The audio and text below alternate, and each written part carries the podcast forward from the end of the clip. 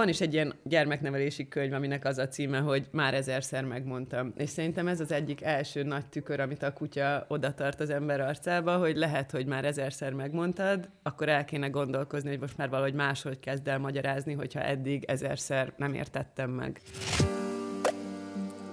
Neked ugatok. Korom Gábor podcastje kutyákról és emberekről. A tükörmódszer közreműködésével. Szervusztok, ez itt a Neked Ugatok Podcast legújabb adása, én Mucsicska László vagyok, és van egy olyan topik, ami gyakorlatilag majdnem minden adásunkban előkerül. Néha csak megnyalogatjuk, meg körbe táncoljuk egy picikét, néha pedig egy pár bővítettem mondatban is beszélünk róla, aztán meg föltesszük a polcra. Ez pedig nem más, mint a kutya nevelés és a gyereknevelés közötti párhuzamok. Na most az a jó hírem, hogy, hogy most már nem táncolunk körülötte tovább, levesszük a polcról, és most már beszélünk róla ennél hosszabban is. Itt van velem, ahogy mindig, Korom Gábor, a Tükörmódszer alapítója, és ezúttal Vad Zsófia, a Tükörmódszer vezető trénere is. Sziasztok! Hello, szia! Sziasztok! Erről a témáról igazából azért sem egy ilyen ördögtől való dolog beszélgetni, mert hogy erre vonatkozóan azért vannak kutatások is, sőt, magyar kutatók is vizsgálódtak ebben a témában, hogy a, a kutya szociokognitív képességei azok egy hány éves gyereknek megfeleltethetőek, és hát fajtától, szocializációtól, neveltetéstől függően ez 5 és 24 hónapos kor közé tehető egyébként, de ennél többet erről nem is beszél, mert nem vagyok felkent ismerője nagyon ennek a tudományterületnek, másrészt meg inkább a gyakorlati részéről fogunk ebben az adásban beszélgetni. Úgyhogy lehet, hogy ezzel az általánossággal kezdeném veletek, hogy szálazzuk szét, hogy mik azok a, azok a párhuzamok, amik tényleg így fölelhetőek kutya és gyereknevelés között, és akkor utána meg bele tudunk menni mindenben részletesen. Én lehet, hogy ide tennék egy kiigazítást, hogy a tudománynak bizonyos módon az a feladata, hogy, hogy körbe rajzolja azt, ahol élünk. És ez, a, ez egyfelől jó, mert értelmezni tudjuk azt, ami, ami velünk és körülöttünk történik. Másfelől rossz, mert ha körbe rajzoltad, akkor amögött már nincsen semmi. És ugye ezt tudjuk a történelmünkben, hogy ez nem így van. Tehát a tudomány a, a folyamatosan táguló a világba nyitó trendeket követ vannak tudományágak, amelyek húznak, és vannak tudományágak, amelyek követnek. Itt, amikor, amikor a, a, a az ember ismeretéről beszélünk, a környezet ismeretéről, ez, ez inkább egyfajta követő tendenciát mutat. Nagyon fontos, hogy a tudomány felől érkező impressziókat befogadjuk, és nagyon fontos, hogy túl tudjunk ezeken látni. Szerintem az ember, de akár a kutya megismerését is a tapasztalat húzza, viszi előre, és a tudomány követi. Azért akarom ezt csak tisztázni az elejére, mert, mert nagyon hiszek a tudományba, nagyon-nagyon-nagyon-nagyon fontos szerepe van a mai társadalomban, viszont nem úgy, ahogy ma ez berendeződik, hogy, hogy a tudomány gyakorlatilag elszigetelt tudásszigeteket hoz létre, vagy, vagy, vagy, vagy, vagy tudássilókat, és csak a saját maga értelmezésében próbálja, a tárgy értelmezésében öncélúan próbál a világra reflektálni, nagyon fontos az az emberi tapasztalat, amikor ki tudunk nézni, körbe tudunk nézni, és akár más területek eredményeivel összehasonlítva egyfajta analizáló gondolkodással tudunk rátekinteni. Saját szakterületemen abszolút látom, mert, mert a tudomány nagyon sok ferdítéssel támadja ma az átlagembert. Rengeteg butaságot, rengeteg marhasságot, és annak az ellenkezőjét is lekutatják. És éppen, éppen mikor lehet, mit tudom én, valahol nagyot menni, azzal összeáll egy csoport, feltűzi a zászlóra, és akkor, és akkor elkezd üvölteni a másik csoport ellen. Aztán, hogyha az éppen nem annyira divatos, mert a, mert a, a, a közhangulat, vagy a, vagy a népszellem, vagy a korszellem mást kér, akkor meg a másik zászlót húzzák fel, és akkor a tudománynak azon kísérleteit ö, húzza fel. Azért vagyok csak paprikás, mert nap mint nap küzdök azzal, hogy emberek butaságokkal érkeznek le, és, és egy fájtlat kell gyakorlatilag ellibbenteni egészen megdöbbentő tud lenni például egy, egy gazda számára az, hogy egy kutya harap vagy egy kutya bevédi az ételét, és a többi, és a többi. Miközben a tudomány próbál mellett ágálni, hogy tudomány, Jézus Mária, azt mondtam, hogy tudomány. A tudomány egyes alkalmazói, vagy egyes, hogy mondjam, önjelölt, felkent adminisztrátorai, mert még csak tudósoknak sem merném nevezni nagy részüket, ők pedig, ők pedig rózsaszín baromságokat, mert az ma divatos, kiragasztanak magukra egy, egy plecsnit, és akkor, akkor hülyítik az embereket. És ebből az egy dolog, hogy, hogy egy egészségtelen létet hozunk létre, mert azt mindenki eldöntheti magának, hogy ő szeretne így élni, vagy nem, de gyakorlatilag környezeti veszélyeztetés is keletkezik belőle. Jó, hát jó, de a, jó, de a disclaimered ellenére azzal egyébként te is egyetértesz, hogy egyébként a gyerek kezdeti fejlődése, meg a, meg a kutya a, állapota között azért vannak hasonlóságok. Abszolút, és tulajdonképpen azért kezdtem bele, mert ezt akartam elmondani. Ezt le kellett szelepeljem, hogy utána értelmesen tudjunk beszélgetni. Az van, hogy azért nem pontos ez a 24 hónapos, tehát a két éves kor, mint felső plafon, mert bizonyos szociális képességeiben a kutya messze meghaladja egy két éves gyerek képességét. Akár egy 5-6, de néha 7 éves gyerek képessége is megjelennek szociális. Hmm. Ez most így nagyon ijesztően hangzik, nem kognitív képességekről van szó.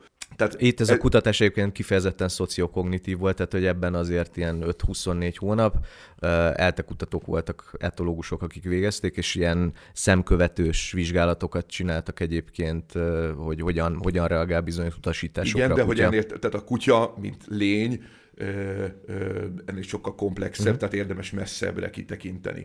Szerintem ezt nap mint nap mi is érezzük, látjuk, és fantasztikus az, hogy vannak olyan kutatások, melyek értelmezik, mélyebb értelmet adnak bizonyos jelenségeknek, melyeket mi magunk is átélünk. Tehát félreértés ne essék, nagyon nagyra becsülöm, főleg az ELTE bizonyos kutatásait. Fontos, hogy ilyen kutatások történjenek, nagyon jó, hogy Magyarország e területen élen jár, de, de mi most, ha beszélgetünk, az ember hétköznapi józan eszéhez, ö, empirikus tapasztalataihoz kell, hogy kinyúljunk, hogy egy, hogy egy érdemi beszélgetést folytassunk erről a témáról, mert ez tulajdonképpen a kutyatartásnak egy olyan fundamentális pontja. Mitől van ilyen kutya? Mitől változott meg a kutyatartás? Mitől, mitől ugrott föl a kutyatartás ilyen szintre?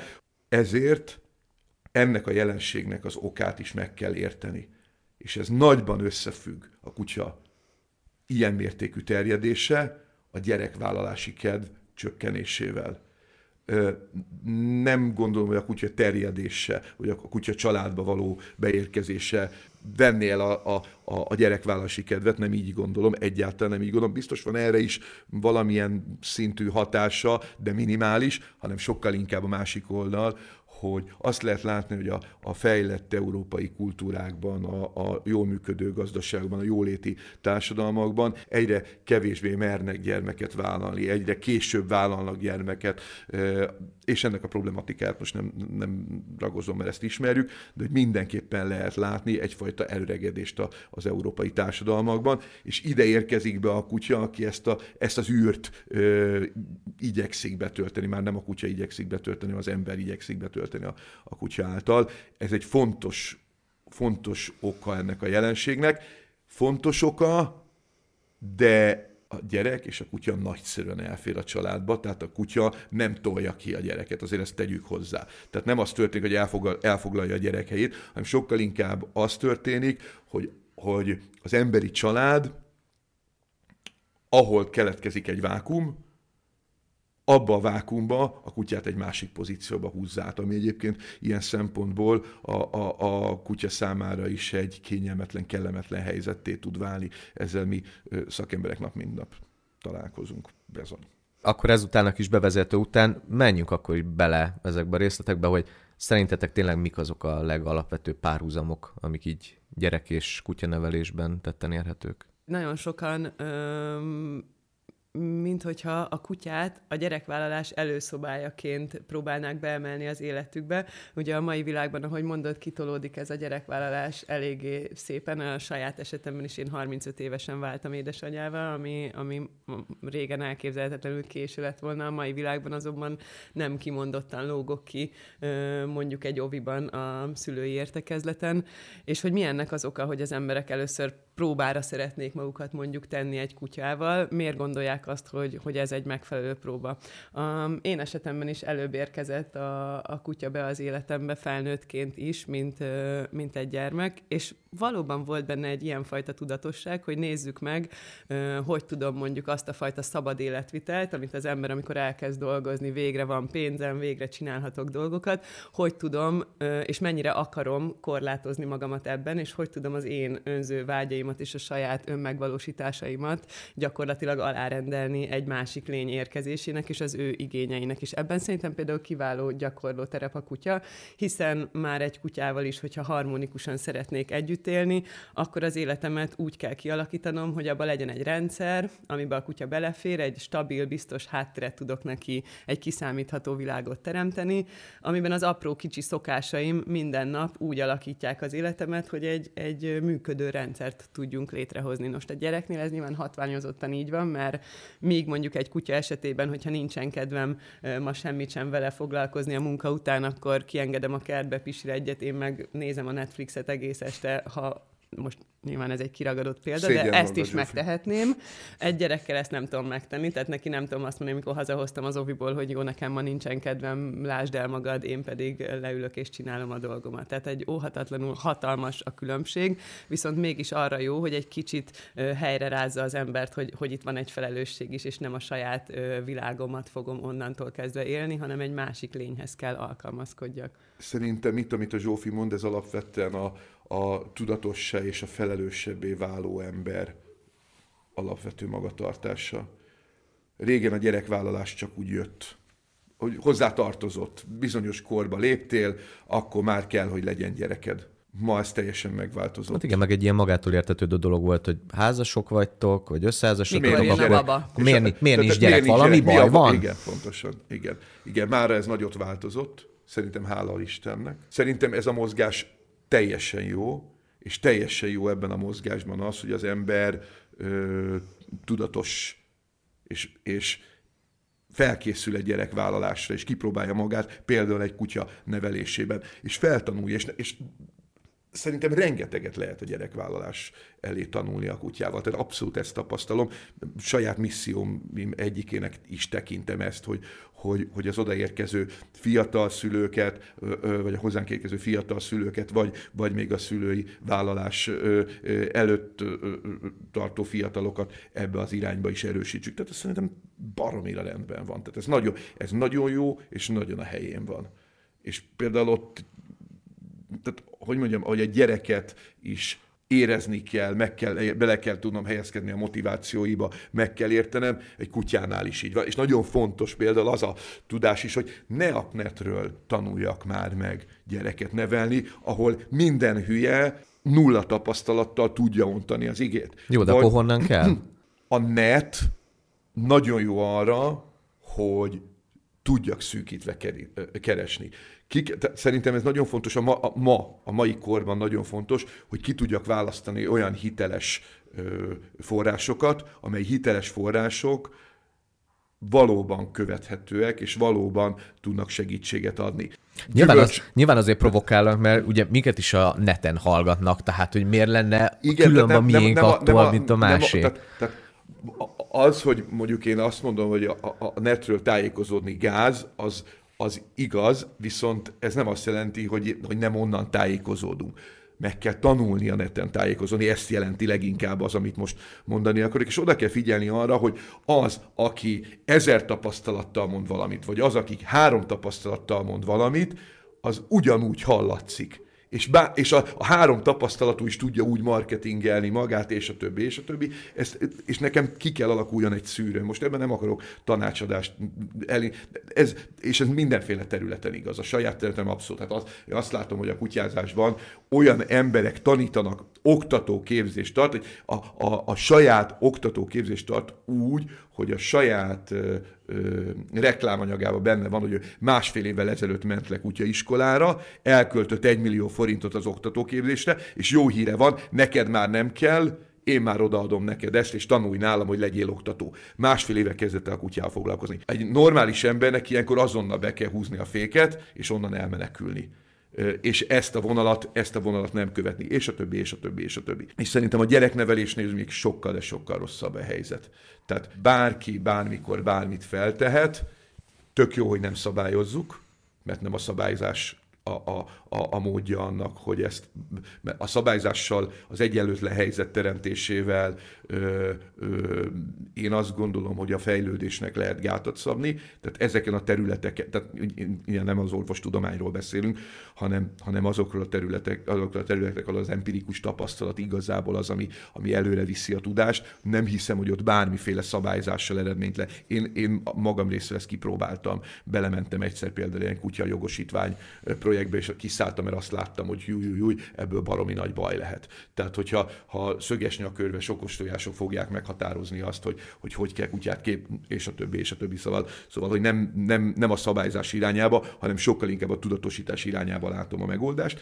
Meg kell tanulnunk a nettől információt feldolgozni. Egyébként ez egy nagyon jó e- első ilyen tételmondat, hogy tudatosság, mert, mert nyilván akkor, ahogy mondtuk, ebben már van egy ilyen kvázi felkészülés, mint ahogy te is mondtad, Zsófi, hogy sokan arra úgy mennek neki a kutyavállalásnak, hogy, hogy már gondolatban egy kicsit azon gondolkodnak, hogy na nézzük meg, hogy így ez hogy működik, ha majd, ha majd gyerekünk lesz, és nyilván amikor már van kutya, akkor, akkor jön utána a következő tudatossági szint, ami, ami, ami, ami lehet mondjuk egy, egy, egy kutyasuli, vagy, vagy egy bármilyen jellegű, nagyon konkretizált kutyanevelés. Egy kicsit visszacsatlakoznék arra, amit Gábor mondott, hogy ma már a gyerek nem egy ilyen instant csomagként jön a házasságba mondjuk, vagy egyáltalán a házasság sem ilyen instant csomagként hanem egy tudatosabb vállalás eredménye.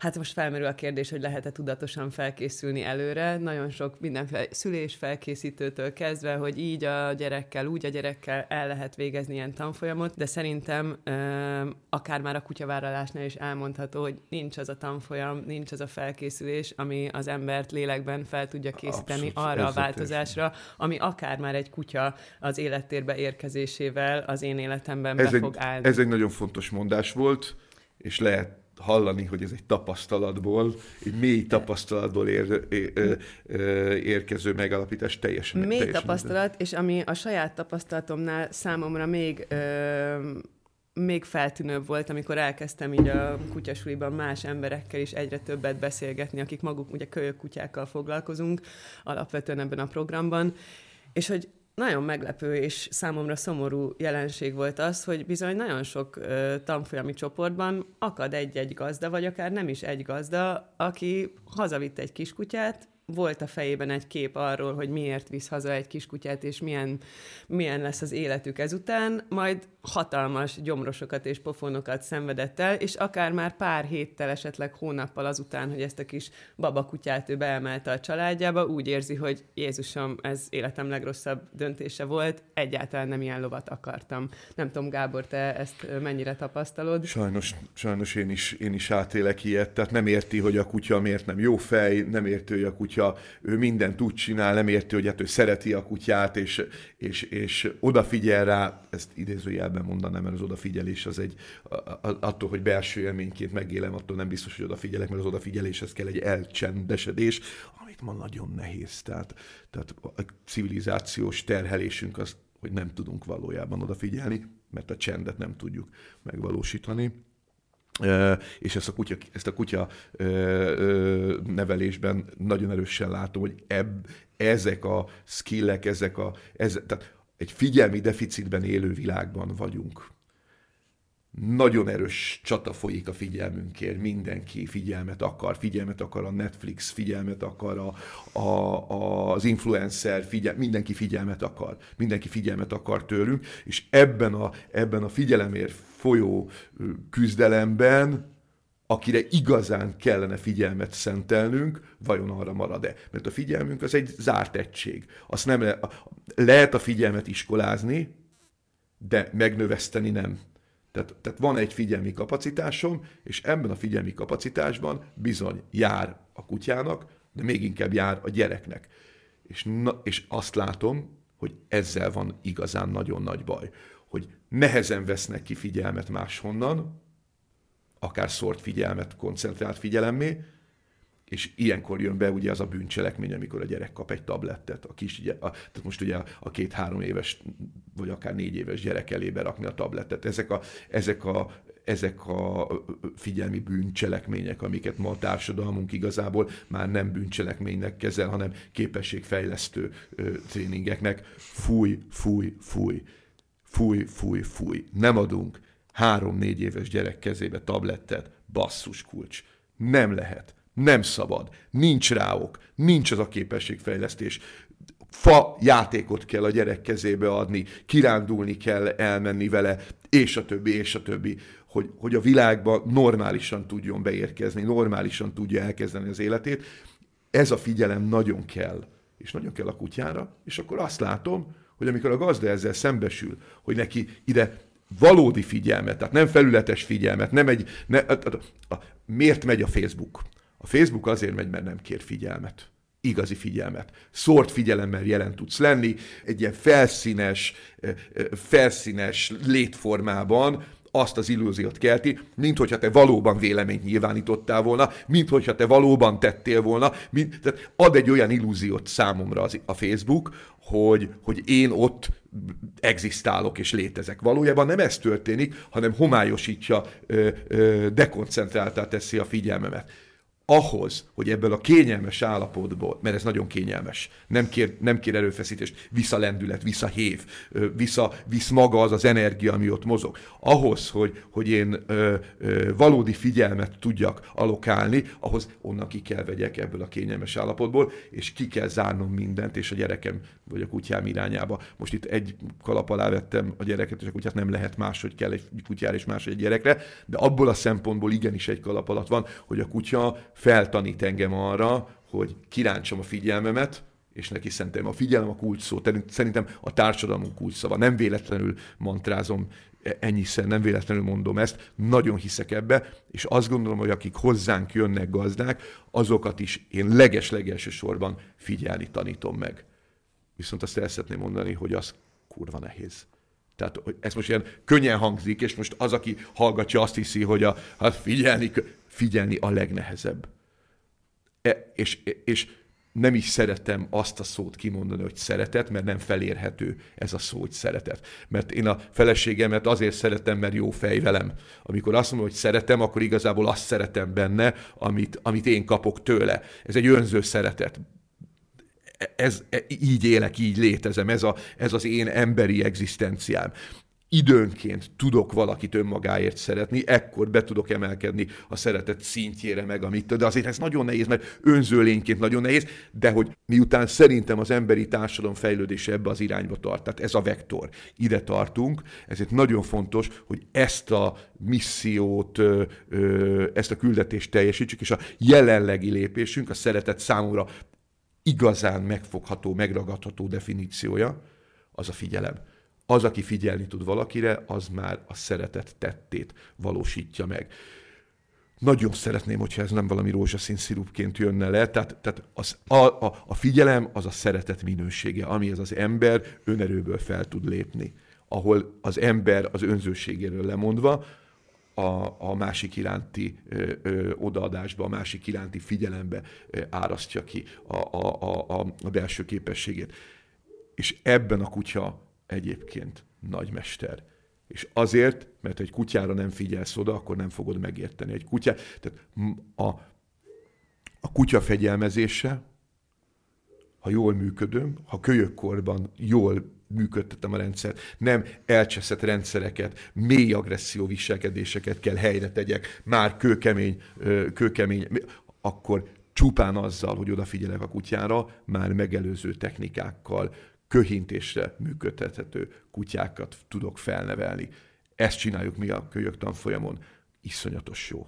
Annyira felcsigázó, én egy olyan hivatásban állok, és a Zsófi ebben a munkatársam, ő is csoportvezető oktató a kölyök programban, hogy tehát ez egy elképesztő élmény figyelemmenedzsmentnek hívjuk egyébként azt a technikát, amit a tanfolyam végén odaadunk a gazdáknak. Elképesztő élmény az, amikor a gazda figyelme egyszer csak besűrűsödik, oda koncentrálódik a kutyára, és köhintésekkel tud működtetni kutyát, komoly, kemény ösztönhelyzetekből tud már lekapcsolni ennek hatására a kutyát, és mindezt úgy, hogy egy nagyon erős belső utat jár végig. Ez nagyon erős cucc az emberi fejlődésben, és ezt a kutya azzal adja, hogyha te nem vagy adekvát, ha te nem rá reagálsz, ha te a fejedben vagy, a fejedben okoskodsz, ahelyett, hogy a kutyára figyelnél, akkor nem lesz kutyád.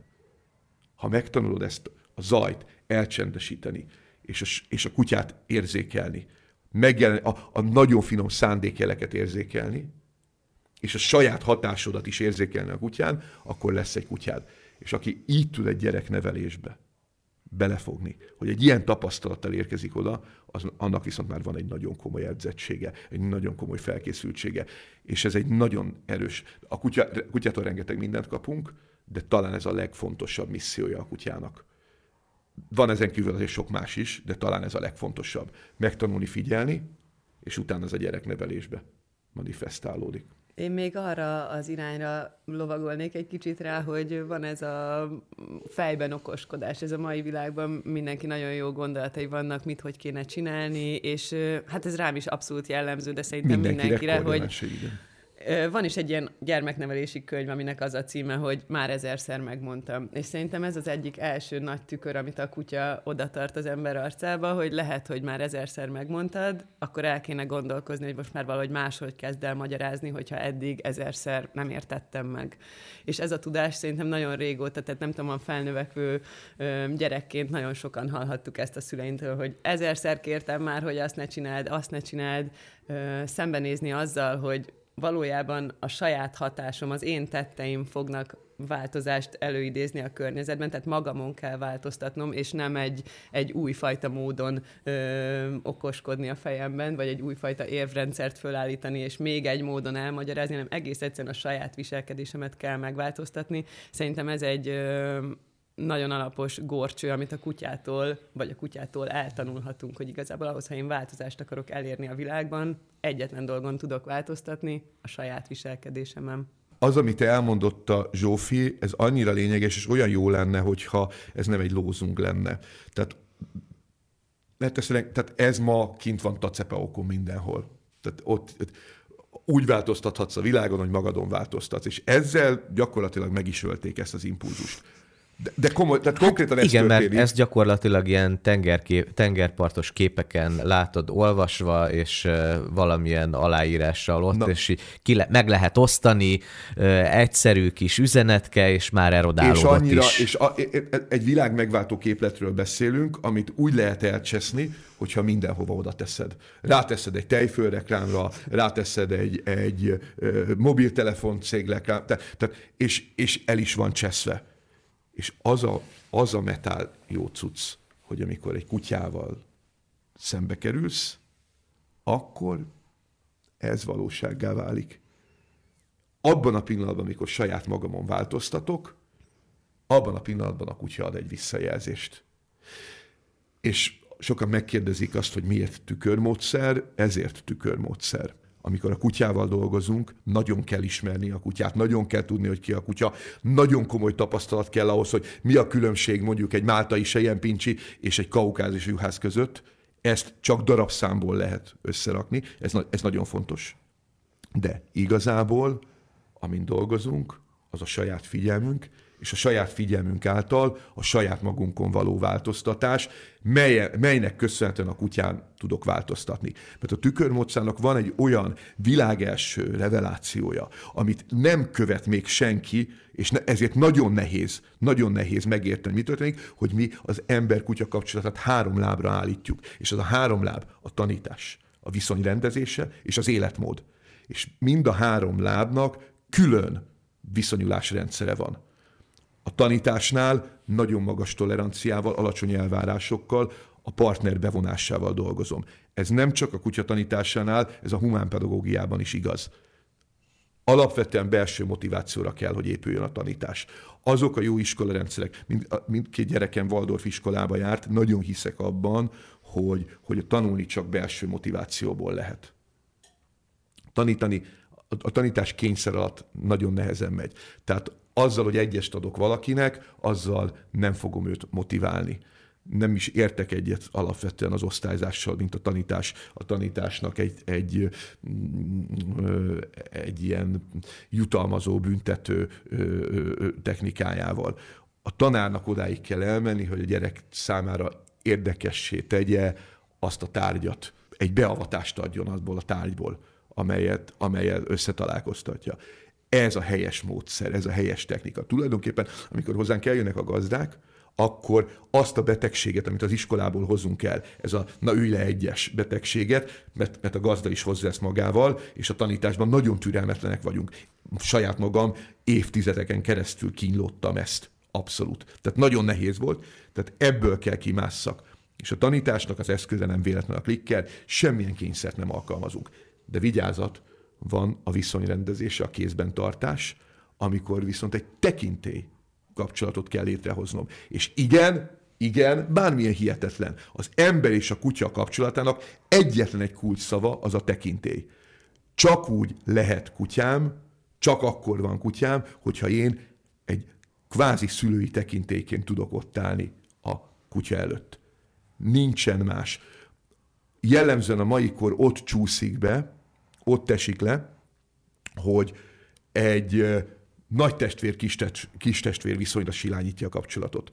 És ebben a viszonyban nem lehet a kutyát jól és biztonságban kezelni, ebben a viszonyban a kutya egy folyamatos stressznek van kitéve. Azért született ez a podcast, mert most már elég volt. Tehát most már tehát az emberi hűítésnek az a szintje, ami, ami ma zajlik, az, az már terhelő. Az a téma, amit ma elővettünk, nekem nagyon mélyről jön, és picit félek is tőle, mert, mert ez egy puskaporos hordó. Én azt kérem mindenkit, hogy tessék szíves lenni a józanészre, hallgatni, tehát tessék szíves lenni mindenki. Minden embernek van egy belső arányérzéke, és ez az arányérzék nagyon kell ahhoz, hogy abban az információs áradatban, abban az információs özönben, amiben élünk és létezünk, kihallatszon az, hogy, hogy itt most igazat mondanak, vagy nem mondanak igazat. Ez sajnos mindenkinek magának kiküzdendő képesség. A Zsófi is említette, és ezzel én is maximálisan egyetértek, hogy ugye amikor valaki elérkezik mondjuk hozzátok is egy tanfolyamra, és itt rácsodálkozik, hogy úristen, én nem ilyen lovat akartam, hát ez, ez ebből fakad néha, hogy az ember annyi mindent lát és olvas, és néha annyira, annyira szelektáltan lát és olvas valamit az interneten, hogy, hogy bizonyos információk elkerülik a figyelmét.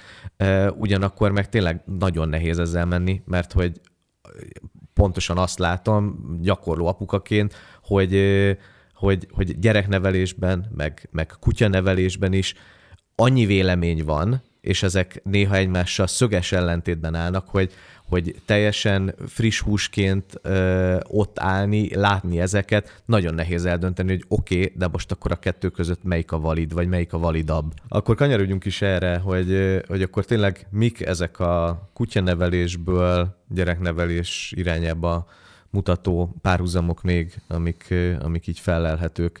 A leg, leginkábban ezt a tudatosság jelzőt jártuk körül, de mi van még? Gábor ugye az előbb említette, hogy a, a kutya nevelését, vagy a kutya a tükörmódszeres képzését alapvetően három pillérre bontjuk, a tanítás, a viszonyrendezése és az életmód. Ezt egy kicsit kifejteném, csak azért, hogy világosabban látjunk, vagy inkább példát hoznék rá, hogy mit jelent ez esetben. Ha mondjuk meg akarom tanítani a kutyámat arra tök jó trükkre, hogy üljön a hátsó lábára és pitizzen, erre gondolt Gábor, hogy ezt klikkerrel és pozitív megerősítéssel fogjuk de most tanítani. Ne, most, most beszédülnek azok, akik erre meg vannak bizelgetve, tehát az, az ültetésre, a hozzon ide valamitre, a, tehát az aportírozásra, a, az előreküldésre, a kerüljön meg valamit, tehát ez mindenre igaz, amit tanítunk, mindenre, ami nem egy kézben tartási szituáció.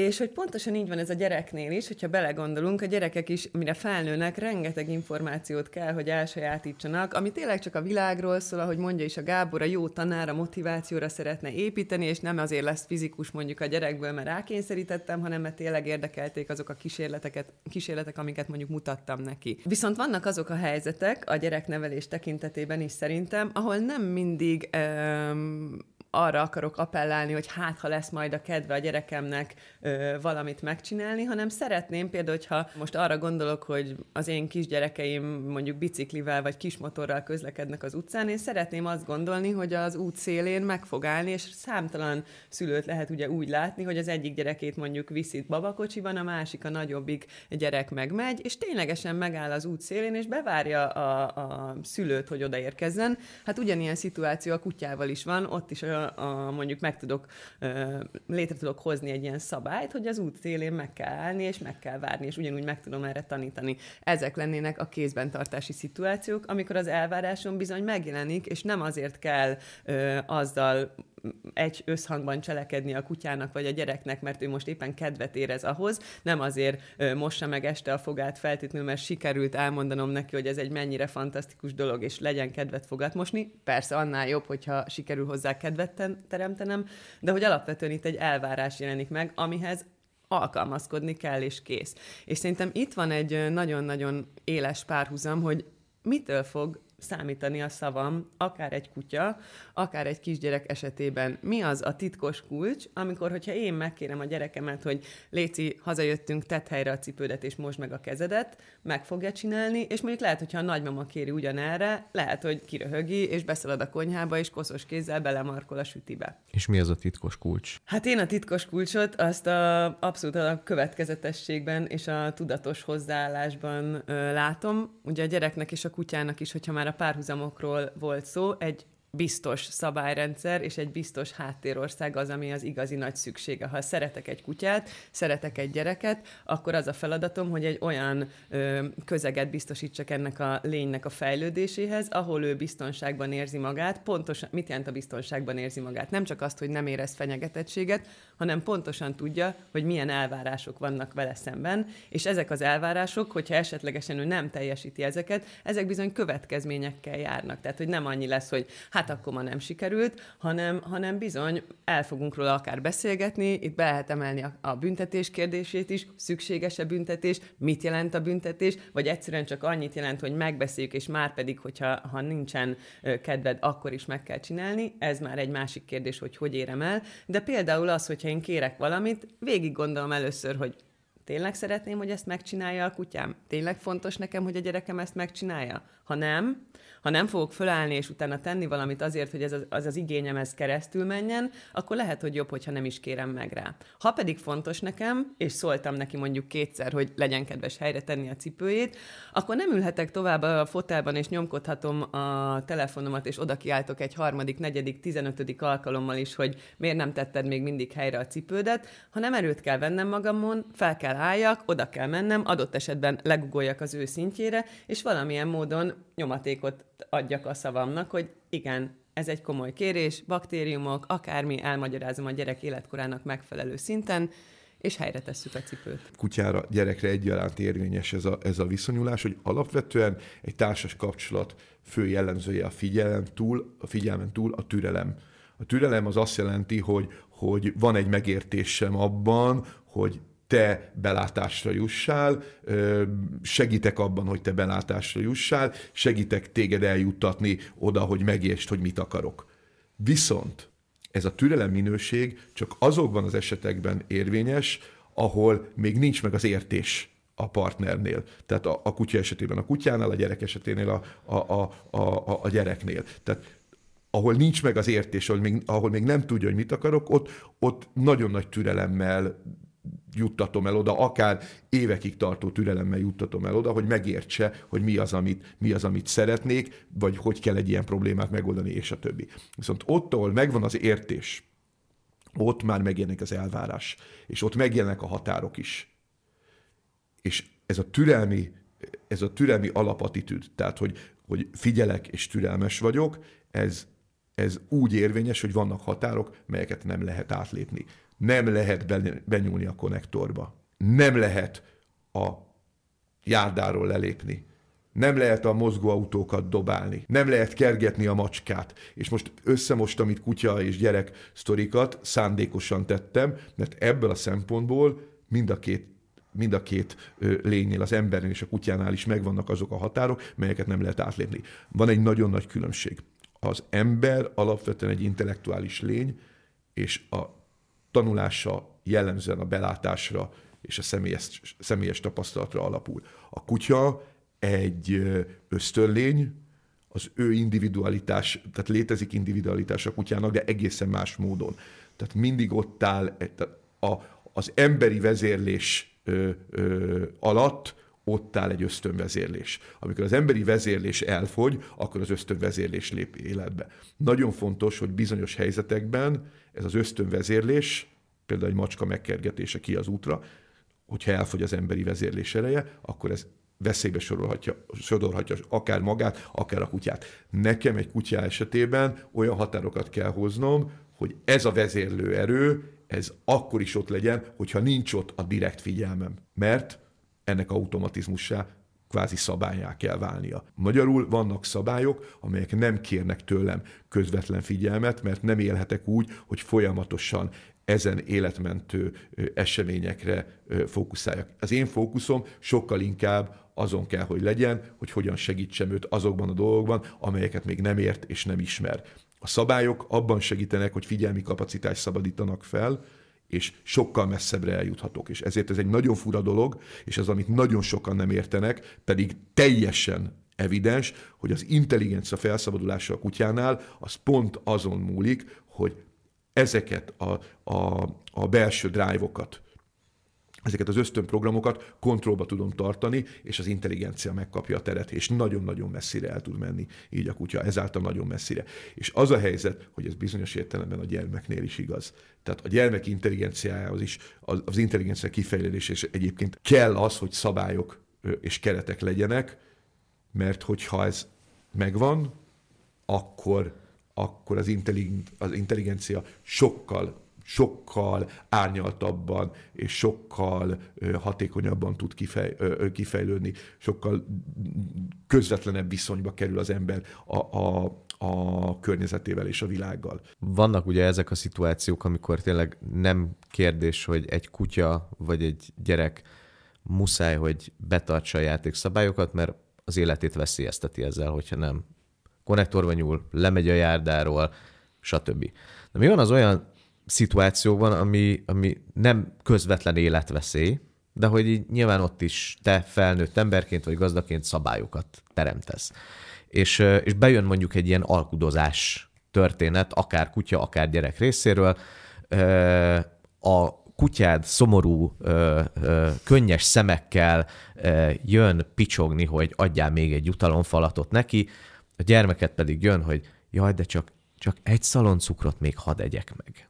És ilyenkor ugye nagyon nehéz következetes gazdának és szülőnek lenni, hogy ilyen, ilyen alkudozó pozíciókban, na ott, ott mi, mi tud előjönni? Erre azért nehéz így egyértelmű fekete-fehér választ adni, de én azt gondolom, hogy ökölszabályként elmondható, és ezt bárki, aki gyakorló kutyás vagy mm, gyereke van, alá fog támasztani, hogy ha egyszer megengedek valamit, az a kutya, vagy akár a gyerek esetében is nem úgy tűnik, hogy ezt egyszer megengedtem, hanem ezt akár el lehet érni. Tehát ez az egy, most egy már reális precedens cél. értékű. Igen, tehát precedens teremtettem rá.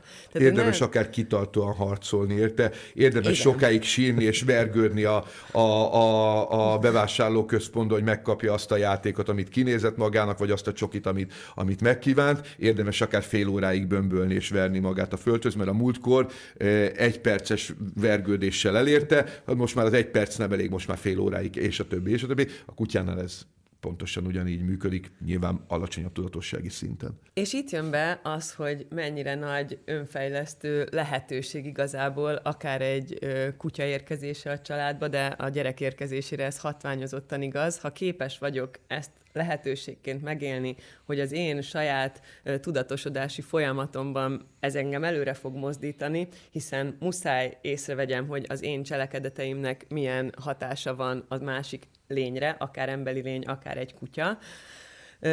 Hát szerintem itt nagyon-nagyon sokat tudunk tanulni, és a határa csillagos ég, hogy, hogy meddig tudja előre segíteni az embert a saját fejlődésében egy ilyen szereplő, Feltéve, hogy szembe tudok nézni azzal, hogy ezek a hatások bizony belőlem vannak, és hogy nem csak szándékolt módon tanítom a kutyámat meg a gyerekemet arra, amire szeretném mondjuk megtanítani, hogy késsel, villával nézd, így tartsd a kést, és akkor majd szépen fogsz enni, hanem sokkal inkább az a példa, vagy az, ahogy én élem a mindennapi életemet napról napra, és ahogy egyre és újra és újra látja ugyanazokat a mintákat és ugyanazok a szabályok, az lesz inkább az, ami egy tanítást végez, és nem pedig a, a blabla, amit köré teszek. Egy tükörmódszerben felnevelkedett kutya sokkal kevesebbet van gátolva, mint egy nem tükörmódszerben nevelkedett kutya.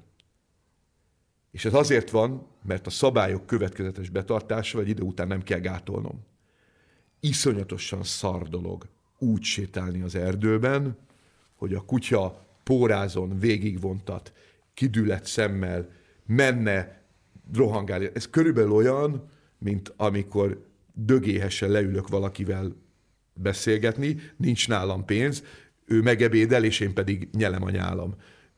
Körülbelül ilyen erdőben pórázon sétálni. Ez önmagában gátlás.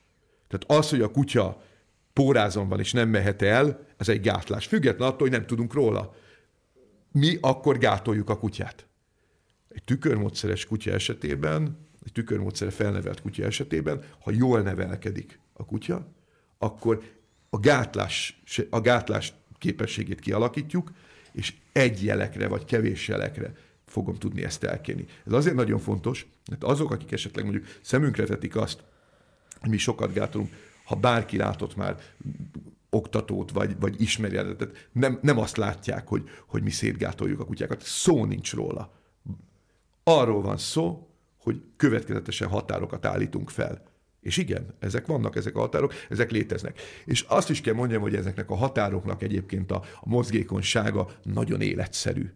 Tehát ö, ö, én azt hiszem, hogy sok tekintetben megengedőbbek vagyunk, mint, mint, mint ö, más technikával vagy rendszerrel dolgozó emberek, és azért is lehetünk megengedőbbek, mert messzebbről vissza tudom hívni, messzebbről le tudom kapcsolni a kutyát. Jóval nagyobb szabadságot tudok neki adni. Ez iszonyatosan jó dolog. Tehát így élni nagyon jó dolog, és a kutya számára is egy nagyon magas biztonsági szintet jelent. És akkor most tekerünk át a gyereknevelésre. Mondtam, említettem, hogy Waldorf iskolába jártak a gyerekeim. Nem hiszek abban, hogy abban hiszek, hogy a gyerek egy önálló individuum, és nem az én folytatásom hanem egy teljesen önálló individuum. Az én mandátumod az, hogy segítsem őt a, a világra jövetelben. Nem a, a fizikai, hanem a szellemi világra jövetelben. Tehát kísérjem el 21 éves koráig, ahol, ahol, ahol gyakorlatilag 7 éves korától folyamatosan alakul ki az ő, az ő önálló individualitása, és, és nekem az a dolgom, hogy ezt a folyamatot segítsem. Ahhoz, hogy ez a folyamat jól tudjon működni, 7 éves korig viszont biztonságot kell számára nyújtsak. Tehát az én közegem, az én családi környezetem, az azokkal a határokkal és korlátokkal kell, hogy segítse őt, amelyek biztonságot adnak, nyugalmat adnak, és egy alacsony stressz szintet. Ez egy belső erő növekedést okoz, egy belső ö, képez, amire nagyon nagy szükség van, tudjuk, hogy a, a mindennapokban az emberi árulások, a galátság, a, az igazságtalanság, meg a, a, az élet rossz oldai, rossz eseményei milyen szinten viselnek meg minket nap mint nap, ez kell egy belső erő. És persze az, ebből jön ki az, hogy alapvetően így tudom az, az életet szépnek érzékelni, vagy legalábbis nagyon sokat segít abban, hogy, hogy, hogy, hogy, hogy a világot szépnek lássam, és akár, akár jóval nagyobb toleranciával kezeljen mondjuk a, a, a, a felém irányuló igazságtalanságot is. Nem akarok teljesen új ajtókat kinyitni, meg már beszéltünk erről adásokban, csak ugye a ilyen helyzetben azért nagyon nehéz erősnek lenni, mert, mert gyereknevelés, meg kutyatartásban is elő szokott jönni a, a külső tényező, a mások szava, a mások mit gondolnak témakör. Ez, ez, mert, a, mert hogyha mondjuk... ez az ostora hátunkon. Jaj, mit gondolnak, jaj, mit fognak szólni, jaj, oda, a, és a többi, és, és ez van. És ez van. Mindenkinek azt tudom csak mondani, a józanész és az arányérzék. Ahogy a Jósda falára befele ki van írva, hogy, hogy ember ismer meg önmagad, ugyanott a felirat, és éj mértékkel. Ez a dolgunk. Tehát ez, ez, ez, a, ez a világ megoldó képlet, ha ezt értem, akkor, akkor ebben tudok előrelépni. Nyilván adaptálódni kell valamilyen módon a környezethez, hogy ne a sátánnak nézzenek meg, amit de a józan eszemet nem kell elveszíteni. Azért, mert mindenki hülye, nekem nem kell hülyének lenni. Kedves, kedves drága néző, kedves drága hallgatók, elképesztő energia mozdul meg azért, hogy mindenki hülye legyen. Ne, ön ne legyen hülye. Én, nekem, ez, nekem ez a melóm, szerintem a kutyának mekkora szabadságot tudunk azáltal biztosítani, hogyha egy átlátható keretrendszerben megvannak a szabályok, azon belül pedig szinte mindent lehet. Szerintem el is értünk a fő különbséghez a gyerek és a kutya között, rengeteg párhuzamról beszéltünk, de hogy alapvetően a gyereket egy önálló életre akarom felkészíteni, és azért is van ez a szabályrendszer, amiben őt eleinte nevelem, hogy, hogy el, felkészüljön ő a saját életére, egyszer azt fogja mondani, hogy szia, elköltözik, és ő is képes lesz arra, hogy elmenjen bankkártyával vásároljon, vagy, vagy családot alapítson adott esetben a kutyát. Szintén szeretném hatalmas szabadsággal, amennyit csak lehet szabadsággal felruházni, ugyanígy egy keretrendszeren belül, de sajnos ő nem önálló életre fog ö, érkezni, nem az a feladat. Ilyen értelemben soha nem fog felnőni. Ő soha nem fog felnőni, tehát mindig is az én irányításom alatt fog maradni, és ez egy jelentős különbség, mert hogy így is kell a feladatait és a, a, a szabályait megalkotnom, amik az életére szólnak, a teljes élethosszára. Szerintem ez egy jó végszó volt, hogy, hogy itt ne befejezzük, hanem inkább csak abba hagyjuk a mai adásunkat, mert erről a témáról még azért nagyon sokat, és nagyon sokáig tudnánk beszélgetni, és valószínűleg fogunk is még, és hogyha tetszett az, amit hallottatok, láttatok, akkor lájkoljatok, osszátok tovább, a podcast hallgató felületeken pedig megfelelő csillagszámmal értékeljétek, mert minél magasabb ez az értékelés, annál magasabban értékel minket az algoritmus is, az meg jó, mert sok emberhez jutunk el. Ha meg valami kivetni valótok van, akkor azt írjátok meg, szeretünk kritikákat is olvasni. Sziasztok!